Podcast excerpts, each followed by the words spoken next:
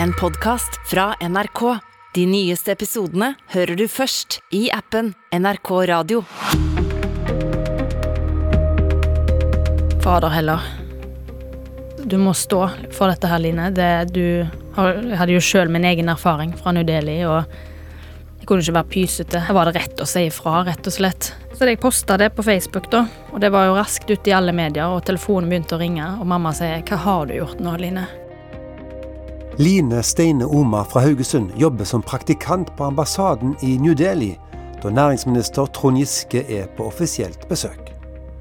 Det som skjer mellom de to, blir sentralt noen år senere i Arbeiderpartiets metoo-oppgjør, da flere kvinner varsler om seksuell trakassering fra Giske. Line blir den første varsleren som står fram med navn og bilde. Så da var det bare å gønne på, og ut i Dagsrevyen og overalt i alle flater, og si hei. Hei, jeg er Line. Jeg er en av de som har varsla. Dette varselet er bagatellisert. Dette er det det egentlig handler om. Uh, og nå må vi rydde opp i dette rotet her. Velkommen til Øyeblikket. Mitt navn er Gisle Jørgensen. Dagens gjest er Line Steine Oma. Hun er 35 år, har samboer og er mor til tre jenter. Hva var det som gjorde at det var nettopp Line som ga metoo et ansikt i januar 2018? Sjøl mener hun at pappaens tøffe kjærlighet i oppveksten, på et småbruk helt nord i Haugesund, kan være en av forklaringene. Jeg tror eh, jeg satt og spiste middag med søsteren min og faren min. Så sier pappa til meg at uh, ja, nå når du skal begynne på ungdomsskolen, så trenger du ikke å komme hjem med noen lavere karakter enn karakter fem. Og jeg kjente jo det satte seg litt i magen, da. Og jeg var jo ganske redd og bekymra sjøl for hva karakterer jeg ville få. Jeg, vet jo ikke det helt på forhånd. Jeg visste jo jeg var ganske skoleflink, men jeg var jo nervøs som alle andre som skulle begynne på ungdomsskolen, og kjente nok det la seg litt på skuldrene. Så det var bare å jobbe på. Så hadde, har jeg heldigvis en uh, mamma som er veldig soft og god og full av kjærlighet, da, så det, de veier litt uh, opp mot hverandre, da. Så da uh, tok jeg alle de vanskelige tingene med mamma når det var behov for det. ja. Men hvordan var det å ha en, en far med denne tøffe kjærligheten? Jeg tror jeg iallfall ble skodd for å gjøre vanskelige ting senere i livet. At jeg Ikke alt som er gøy å gjøre, men som du er nødt til å gjøre likevel. Og at du er litt sånn fotsoldat, eh, må rette deg litt i ryggen og gjøre det som kreves av deg. Eh, og at livet ikke bare er en dans på roser. Eh, men akkurat på fotballen, der var han så stolt over meg, for jeg var utrolig god i fotball og skåra så masse mål, og alle frykta at jeg skulle være i god form på banen. Så han var med på hver trening, hver kamp. Da sto han, Enten satt han i Mercedesen sin og så på når jeg var ute på banen, eller så sto han på sidelinja og ropte. Og jeg hadde jo respekt for faren min. Det var litt sånn, Hvis han sa 'nå skal vi ut i fjosen' og sette makkakur på sauene, så var det ikke snakk om å si nei eller diskutere det. Da var det bare å si ja, og så ble du med. Eh, men akkurat på fotballbanen, det var det eneste stedet der jeg virkelig kunne skrike tilbake til han. 'Nå holder du kjeft, pappa! Nå holder du deg vekke!' Og han syntes det var drittøft. Der fikk jeg lov å snakke til han, liksom. Men det var det omtrent det eneste stedet det var mulig å gjøre det. Et slags fristed? ja, det var et fristed. Han var så stolt over meg. og han eh, drev og sendte ganske pinlige eh, mailer og meldinger til hele resten av familien inne i Hardanger om hvor flink jeg var i fotball, og hvor mange mål jeg skårte, og hvor mange kamper vi vant, og ja, han var så utrolig stolt over det, og når eh, når jeg fikk karakterutskriftene mine, da tok han og skanna de inn på dataen og sendte det av gårde til Hardanger til resten av familien for at de skulle se. Det virker ut som at du er gjennom noen tøffe tak eh, da, allerede i tidlig alder? Ja, jeg vil si at uh, min barndom var litt tøff. Jeg måtte rett og slett eh, ta meg av ganske mye. Husarbeid. Det var ganske mye disiplin, og bare sånn Sånn gjør du, og sånn er det, punktum. Jeg var mye aleine, jeg hadde ikke så mye venner. Men så tok jeg jo et lite oppgjør da når jeg ble sånn rundt 15.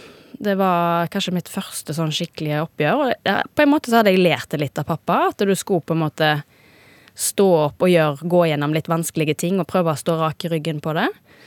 Så det endte jo opp med at jeg tok et oppgjør med han sjøl når jeg var sånn rundt 15 og fikk passet sitt påskrevet, og vi var skikkelig konflikt ei stund. Men jeg er glad vi ble gode venner igjen, da.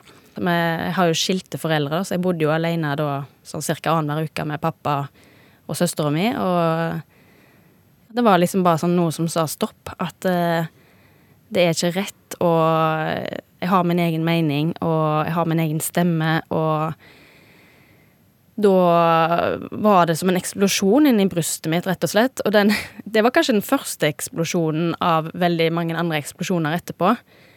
Og det var jo overraskende for pappa òg, at jeg begynte å bruke stemmen min og fortelle han hva som ikke var greit, og hva han kunne gjøre og ikke gjøre.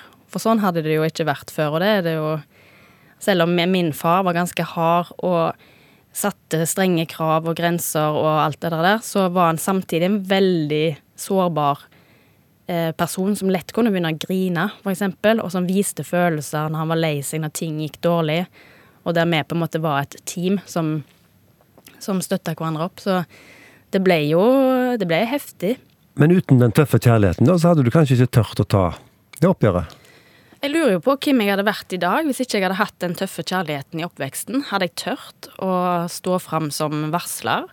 Hadde jeg tørt å bane meg vei som politiker i Arbeiderpartiet?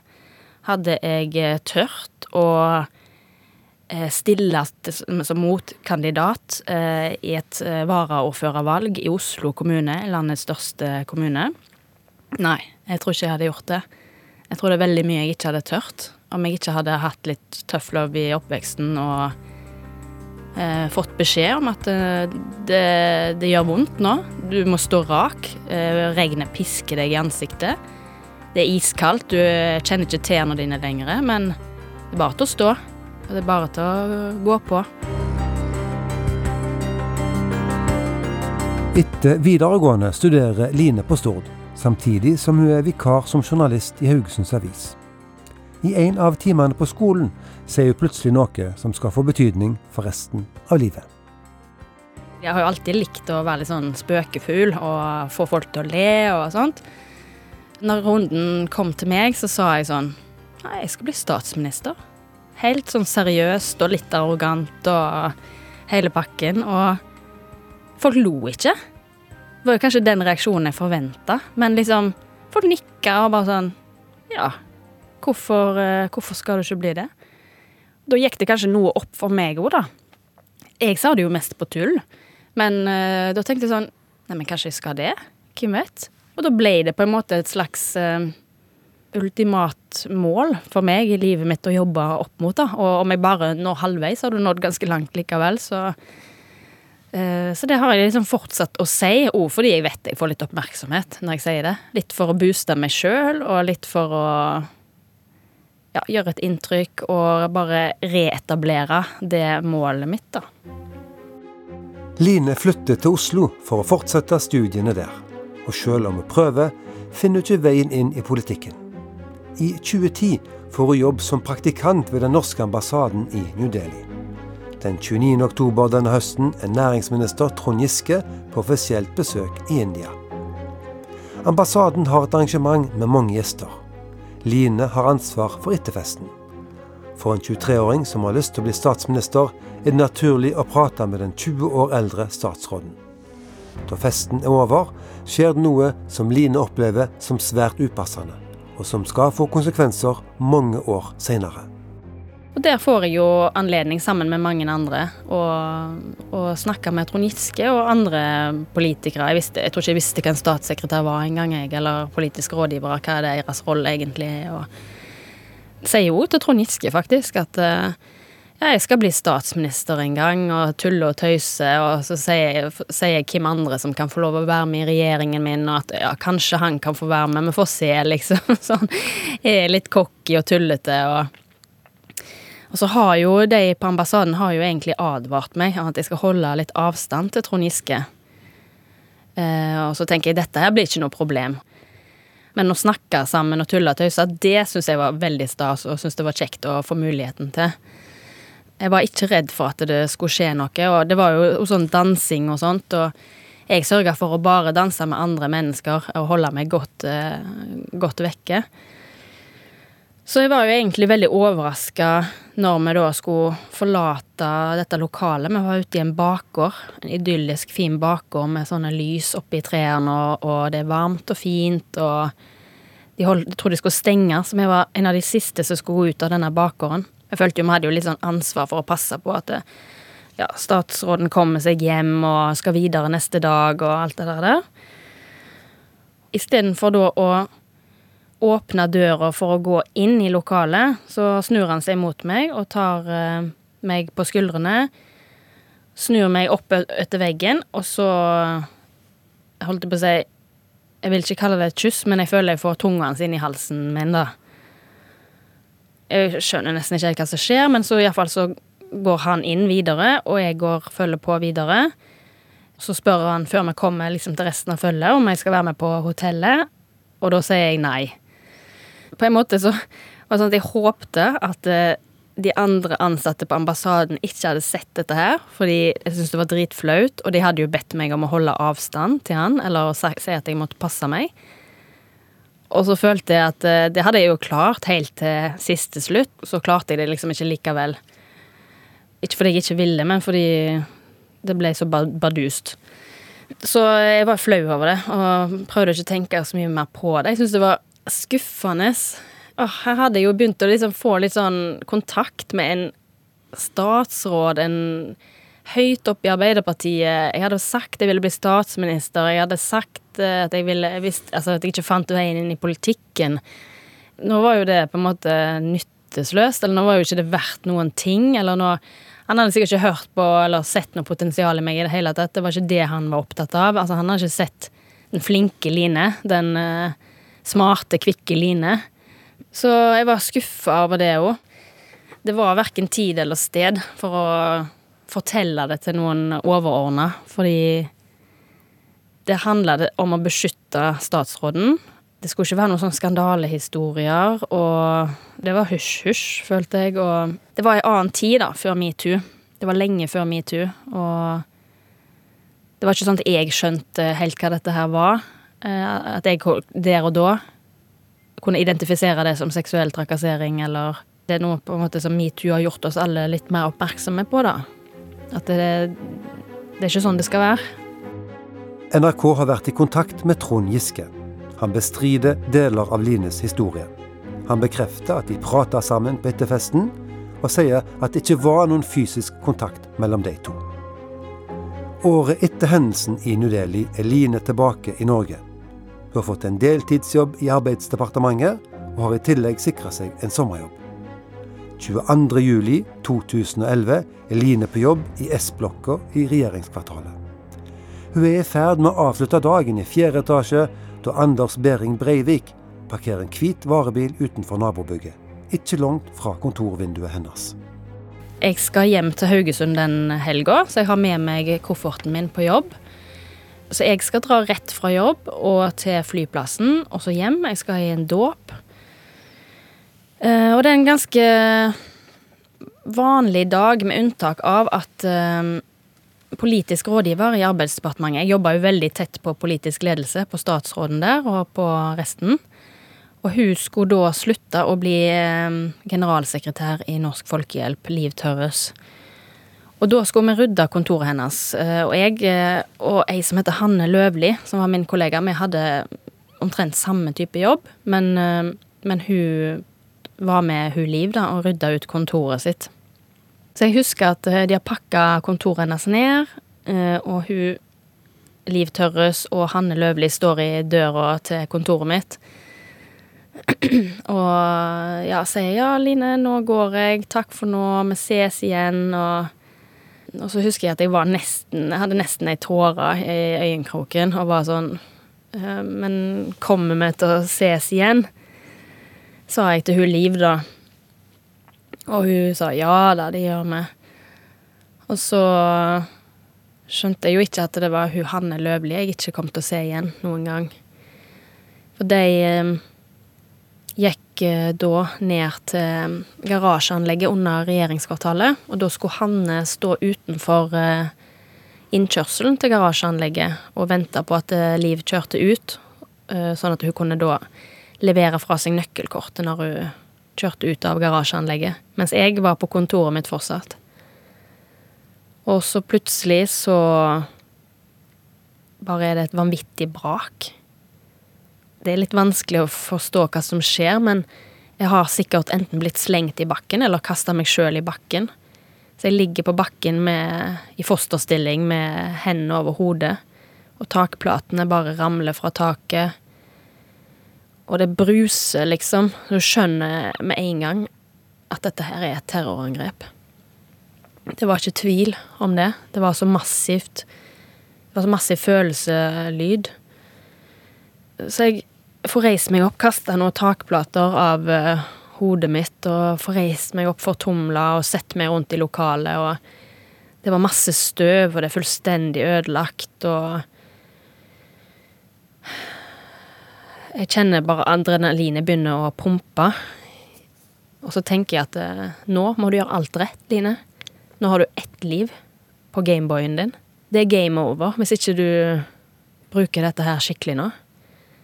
Så måtte jeg klatre over et stort vindu som lå i døråpningen, og sperre for uh, inngangen. Nå er det liv eller død.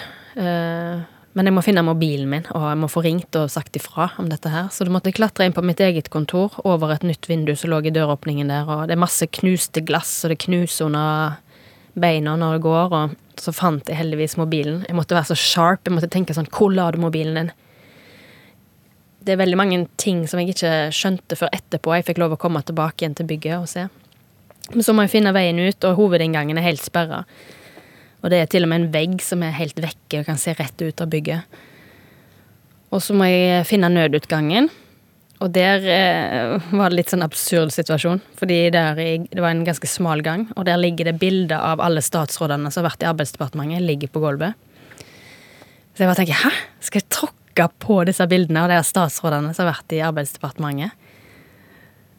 Ja, men så stopper du ikke å tenke veldig lenge, der, for du må jo komme deg ut. Så jeg kom meg til nødutgangen og prøver å ringe politiet der, men eh, får ikke tak i de. Det er vel sikkert mange som ringer. Og så finner jeg ut at jeg må ringe hjem til samboeren min. Som ikke var samboer da, men uh, så ringte jeg iallfall til han og sa sånn Hei, Gøran. Eh, det har vært et terrorangrep i Arbeidsdepartementet. Jeg er i live, jeg skal komme meg ut. Du må gi beskjed til familien min at jeg skal komme meg ut her i livet, og at det kommer til å gå bra. Ja, så jeg kommer meg eh, ut. Må sparke ut et sånt vindu som er helt krakelert av, av sprengingen. Så jeg sparker ut hele det vinduet, sånn at vi er en gjeng nede i første etasje som kommer oss ut av bygget. Jeg ser at det er noen som blir redda ut av resepsjonen med blod i hodet. Og når jeg kommer ut da på plassen foran Arbeidsdepartementet, da skjønner jeg jo enda mer hvor massivt dette her er. Det bare svever masse papir i lufta som store snøflak, og det er støv, og jeg ser jo at alt er ødelagt, alt er sprengt. Jeg tenker at her er det kanskje tusenvis som er døde, tenker jeg. Uten at jeg klarer å koble at det er fredag ettermiddag og ikke så veldig mange på jobb midt i fellesferien. Uh, og jeg tenker bare nå må jeg bare komme meg av gårde vekk herfra. Uh, jeg klarer liksom å knipse et par bilder med mobilen min av dette her før jeg liksom springer av gårde og ned mot Youngstorget. Jeg tør ikke ta toget til Gardermoen, så jeg finner ut jeg eh, går og tar bussen så får satt meg på bussen og kommer meg til flyplassen. Og når jeg kommer på flyplassen og setter meg ned på do der, så bare renner det, triller massevis av glasskår ut av buksa mi. Gjennom sikkerhetskontrollen har jeg gått med ei veske full av digre splinter med glass som er store som kniver, liksom, uten at noen har lagt merke til det. Så når jeg kommer hjem til Haugesund, så henter mamma meg, og jeg tror kanskje ikke foreldrene mine helt skjønner hva som har skjedd. og mamma plukker litt sånn glassbiter ut av nakken på meg og sånt, og så sier jeg til pappa sånn jeg vet ikke helt om jeg er i form til å dra i den dåpen i morgen, til, inn til Hardanger. Hva jeg mener? Jeg er ikke i form med det. Selvfølgelig skulle jeg være med til den dåpen. Typisk pappa? Ja, typisk pappa, så det var ikke noe kjære mor der, og jeg tror ikke han helt skjønte, kanskje før ganske lenge seinere, hvordan det hadde påvirka meg hele hele greiene. Men skjønte du det sjøl, nesten sagt? Nei, jeg gjorde jo ikke det heller. Jeg skjønte det heller ikke sjøl. Jeg var på jobb på mandag morgen igjen. Da hadde Arbeidsdepartementet fått eh, nye lokaler av Nav. Nav hadde flytta ut på ei helg og tilrettelagt for oss. Så kom jeg der, og så er det et statusmøte om morgenen. De sier liksom Hanne er fortsatt ikke funnet eller bekrefta omkommen. Men eh, det er jo Hun er jo savna, og ja. Og jeg bare sitter der, helt vanlig, men tårene de bare renner og renner og renner, og de vil ikke slutte. Og jeg var nesten flau over at kroppen min ikke liksom lystrer. Han bare gjør litt som han vil. Jeg tror nok kanskje kollegaer og sånt òg skjønte liksom sånn Line, hun var der, og eh, skal ikke, Hun skal ikke gjøre så mye på jobb, hun nå. Du, nå skal du bare være her og kunne snakke med folk, og hvis du har lyst til å gjøre noen småting, så må du bare gjøre det. Så jeg, ja, jeg ville, jeg ville gjøre noe, så jeg fikk en oppgave med at jeg skulle kopiere opp noen papirer. Men jeg fikk det ikke til. Det var helt umulig for meg å få til. Så ja, jeg var nok ganske påvirka. Når mm. kom du til deg sjøl og kunne på fungere normalt igjen? Så for ei sånn jente som meg, som er så ambisiøs og ønsker å gjøre alt bra og være flink og ha gode karakterer og sånn, så var jo ikke livet så veldig lett etterpå. Jeg gjorde så godt jeg kunne og sleit meg mye ut. Jeg gikk ned mye vekt og Men jeg begynte å skjønne litt hva, hvordan det påvirka meg, så fikk jeg eh, gjort litt tiltak, da. Så jeg fikk litt, tatt litt mindre studiepoeng, og så fikk jeg tatt et sommerstudium for å ta inn noen studiepoeng, og så var jeg a jour igjen, da. Men hva har 22. juli gjort med deg eh, ellers? Jeg tenkte jo en del på alle de som mista stemmen sin 22. juli, eller som ble fratatt stemmen sin 22. juli, eh, og at jeg fortsatt hadde min. Hadde overlevd. Og jeg tror nok kanskje at jeg aldri heller hadde vært så modig eh, seinere i livet, hadde det ikke vært for eh, 22. juli, at jeg òg At jeg følte jeg hadde en mulighet til å bruke stemmen min, og litt at jeg hadde en plikt til å gjøre det. Eh, og at eh, selv om ting er vanskelig, så må en bare stå i det. Og det ble litt tøffere og modigere og hadde allerede vært døden nær, følte jeg. Da er det ikke så mye som kan sammenlignes med det etterpå. Hvor ille kan andre ting bli? I jula 2017 skal Line få bruk for tøffheten og alle erfaringene hun har gjort seg gjennom livet. Noen år tidligere ser hun et oppslag om et åpent Arbeiderpartimøte i gamle Oslo bydel. Hun ble raskt med i styret, og i 2015 blir hun valgt til bydelsordfører i gamle Oslo men stortingsvalget i 2017 går dårlig for partiet. Denne høsten eksploderer også metoo-bevegelsen over hele verden. I Norge dukker det flere og flere varsler opp mot Trond Giske. Nestlederen i Arbeiderpartiet blir beskyldt for seksuell trakassering. Line har fortsatt ikke fortalt noen om episoden i New Delhi. 22.12. skal hun hjem til Haugesund på juleferie. I flysetet klarer hun ikke å finne roen. Der sovner samboeren min på flyet, så jeg sitter der alene våken begynner å tenke. Har ikke så mye annet å gjøre på på en flytur. Tenke på disse her eh, damene som har varsla mot Trond Giske. Hvor vanskelig det må være å gjøre det. Jeg kjenner jo at det sinnet inni meg begynner å koke. Jeg får en ny liksom, fysisk reaksjon. Jeg begynner å skjelve i kroppen. Jeg svetter. Jeg eh, klør i ræva, rett og slett, der jeg sitter, og begynner å skrive på mobilen min. Hva jeg egentlig syns om dette her, og jeg bare kjenner det, det bruser. Så jeg bruker jo veldig harde ord, da. Så jeg sitter og formulerer da på dette, denne flyturen. Og så gjør jeg ikke noe med det, men jeg er jo, jeg er jo helt fjern. Jeg blir henta på flyplassen, jeg er jo ikke til stede. Jeg kan svare ja og nei, men uh, ikke noe stort sett mer enn det. Og så tenker jeg litt mer på den, uh, det som jeg har skrevet på mobilen min. Fader heller. Nå, du må bare Du må stå for dette her, Line. Det, du jeg hadde jo sjøl min egen erfaring fra New Delhi, og jeg kunne ikke være pysete. Her var det rett å si ifra, rett og slett. Samme hva jeg visste det ville koste. Da var det liksom å ta på seg eh, soldattøy igjen, da, og stille rak i ryggen og gå på. Så jeg posta det på Facebook, da, og det var jo raskt ute i alle medier, og telefonen begynte å ringe, og mamma sier 'Hva har du gjort nå, Line?' Ja, for på Facebook så skriver du Arbeiderpartiet kan ikke ha nestleder eller framtidig partileder som tenker med feil hode. Ja. Nei, og det mente jeg jo, og det mener jeg jo fortsatt, så Men det var jo Det er jo harde ord. Det, det, er veldig klikkvennlig, for å si det sånn. Men jeg eh, bestemmer meg for ikke å svare på så mye henvendelser, bare vise til det jeg har skrevet på Facebook. Og så begynner jeg jo å få kjeft litt, da, fra folk i partiet og sånn, for at jeg eh, sier det. Og så går det ikke så veldig lang tid før folk begynner å skjønne at eh, det er et korthus her som faller sammen, og at det egentlig er riktig å ha klar tale, rett og slett. Ja, for da eh, er det jo jul. Eh, det blir etter hvert romjul, det skal være hyggelig. Men eh, du velger da etter hvert å fortelle om din historie til Jonas Gahr Støre. Ja, jeg hadde jo vært modig og tatt første skritt med å si hva jeg mente om saken på Facebook, og så tenkte jeg det må jeg jo bare fortsette hele veien. Nå må jeg jo bare sende inn et varsel, eller hva en skulle kalle det jeg visste ikke helt hva det var egentlig først, om det tilsa at det skulle være et varsel, eller hva det var. Men jeg var iallfall veldig opptatt av å være med å fylle ut bildet, og være med å understøtte de kvinnene som hadde varsla og fortalt om historier. Så da sendte jeg inn en beskrivelse av det som hadde skjedd i New Delhi. Og det ble tatt veldig seriøst, og jeg fikk eh, beskjed om at jeg kunne ringe til Jonas Gahr Støre hvis jeg trengte det, og når jeg trengte det. Men du kjenner ikke igjen varselet ditt i en artikkel i Nettavisen da på nyåret. Eh, hva er det du leser da?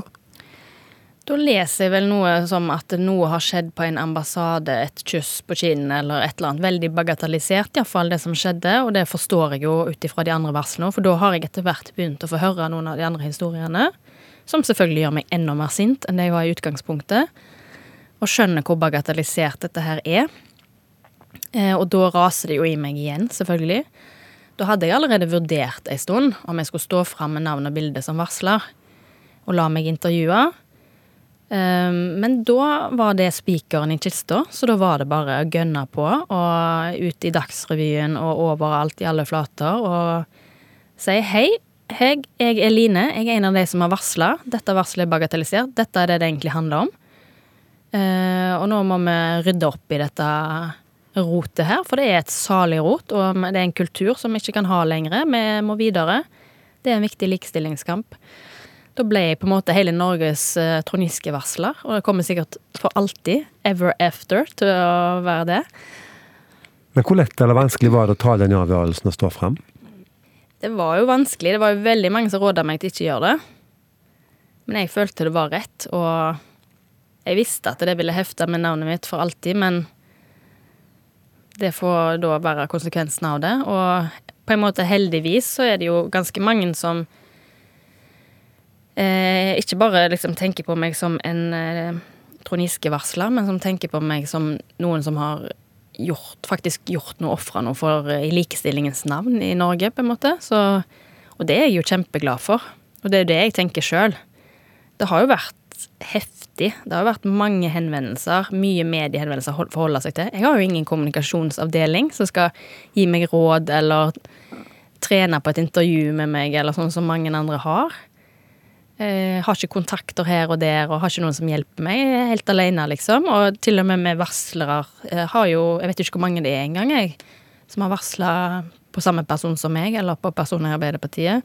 Vi har jo ikke hatt noe kontakt eller vært noe koordinert eh, strategi, eller på en måte har kunnet hjulpet hverandre noe mer enn å si sånn Så fint det du gjorde nå, Sunniva. Eller så fint det du gjorde nå, Line. Men får dette konsekvenser for deg? Stressnivået øker jo betraktelig. Det er ikke alltid jeg klarer å konsentrere meg så godt på jobb, og det er ikke alltid jeg er så tilstedeværende hjemme i stua med dattera mi og med samboeren min. Og noe kan skje hva tid som helst. Jeg er på vakt hele tida. Og noe skal skje. Hva kommer Trond Giske med nå? Hvor lenge ja. har du det sånt? Ja, det, det, det varer jo i flere år. Trond Giske måtte slutte som Arbeiderpartiets nestleder etter metoo-varslene mot ham. Giske benekter at det skjedde noe mellom Line og han på den norske ambassadens arrangement i New Delhi. Line Omas historie er et eksempel på at pressen publiserte alvorlige anklager uten dokumentasjon. Jeg har aldri vært alene med Oma, og ingen tilstedeværende bekrefter hennes fremstilling. Jeg har i mitt tilsvar til partiet vist til flere tilstedeværende fra departementet som mener Omas framstilling ikke er riktig, skrev Giske i en SMS til NRK. Da Arbeiderpartiet behandla Lines varsel, var konklusjonen at Giske hadde brutt partiets retningslinjer mot seksuell trakassering. NRK har òg vært i kontakt med et vitne som så det vedkommende kaller upassende oppførsel mellom en statsråd og en praktikant. Etter hvert roer metoo-bråket seg etter Trond Giske. Line blir i 2019 valgt inn i bystyret i Oslo, og er nå politiker på heltid. Men høsten 2021 taper hun kampen om å bli varaordfører i Oslo, da daværende varaordfører ble valgt inn på Stortinget. Jeg lurer derfor på hvordan det står til med målet om å bli statsminister. Jeg vet ikke. Jeg har jo på en måte eh, begynt å tenke at jeg kanskje aldri blir statsminister. Um, men, men, du er jo ikke mer enn noen og 30 år, da? Nei, det er jo sant, da. Nei, uh, nei så kanskje jeg blir det likevel, da. nei da, men uh, Bor det fortsatt en statsminister uh, i deg, tror du? Jeg har sett så mye flinke folk i politikken at jeg er litt usikker på om jeg har det som skal til, rett og slett. Og dessuten så, iallfall nå, så er jeg jo blitt veldig glad i å ha litt tid med familien min, blant annet ha litt balanse i livet mellom jobb og kjærleik. Jobb og fritid. Så vi får se. Jeg elsker det jeg holder på med nå. Jeg er så heldig at jeg får lov å være fulltidspolitiker når jeg ikke er i mammapermisjon. Eh, å få være med og lage politikk og fronte politikk, det er kjempegøy. Du kan med små skritt eller større skritt endre samfunnet. Ser du for deg å ta noen sånne type avgjørelser eh, for hjembyen Haugesund noen gang? Jeg vet ikke. Det er jo sånn Det er jo et evig tema om jeg en gang skal flytte tilbake til Haugesund. Og jeg ser folk eh, tulle med at jeg, at jeg er nødt til å bo med gangavstand til rådhuset i så fall. jeg elsker jo Haugesund. Jeg har fått så mye av Haugesund, så hvis jeg har muligheten til å gi Haugesund noe igjen, så skal jeg jaggu gjøre det. Du har fått mye av Haugesund, sier du. Hva har du fått av Haugesund? Jeg har fått en uh, patriotisme. Jeg har fått uh, lære at vi heier på hverandre. Vi haugesundere, vi vestlendinger. Uh, vi beundrer folk som får til noe, og som vil noe. Og jeg vet ikke, iallfall den delen av Haugesund jeg har opplevd, så føler jeg ikke at janteloven har vært så veldig sterk. Heller litt sånn motsatt. At vi Kanskje litt næringslivsånd i oss, som bare sånn Vi heier på de som vil og kan få til noe og få det til. Så jeg har veldig mye av selvtilliten min fra Haugesund, føler jeg. Og den trenger jeg hver eneste dag. Og eh, jeg fikk meg jobb i Haugesunds Avis når jeg var 14 år, eller noe sånt. Jeg har lært meg å skrive og formidle og uttrykke meg. Folk har gitt meg muligheter og sjanser, liksom. Nei, Haugesund har mye bra, altså. Når det bobler inn i deg inne på flyet, og samboeren din har sovna, og du eh, tar en avgjørelse der du bestemmer deg for at her må du være en metoo-soldat. Det er et viktig valg for deg, men når du tenker tilbake på det, ville du ha gjort det igjen? Jeg ville ha gjort det igjen, men jeg er veldig glad for at jeg ikke visste hvor tøft det skulle bli, eller hvor langvarig det skulle bli. Men absolutt så ville jeg ha gjort det igjen likevel. Hvorfor det? Fordi det var så viktig, eh, og det har, om det så bare har bidratt til å ta Norge og likestilling i Norge et par skritt i rett retning, så er det likevel så viktig at eh, mitt slit er verdt det. Jeg får jo forsvart hva jeg tror på i livet, og jeg kjenner jo at det brenner i meg, så jeg er jo glad for at jeg har gjort det i ettertid. Viktig å følge det indre kompasset her. Mm, det er det jeg har følt jeg har gjort, og da er ikke det andre så veldig farlig, egentlig. Når du vet at det du, selv, det du gjør, er rett. Og heldigvis så er det veldig mange som er enig med meg at det var det. Så hadde det vært sikkert mye vanskeligere å følge det kompasset sitt hvis det var veldig mange som var uenige med meg i ettertid om at det var riktig å gjøre. Om Line forfølger drømmen om å bli statsminister, gjenstår å se. Men dersom hun gjør det, kommer det ikke til å stå på verken kampviljen eller tøffheten. Og uansett vil du alltid bli huska for å ha gitt metoo i Norge et ansikt og en stemme. Har du forslag til andre gjester vi bør ha her i øyeblikket? Skriv en e-post til gisle.jorgensen krøllalfa nrk.no. Du har hørt en podkast fra NRK. De nyeste episodene hører du først i appen NRK Radio.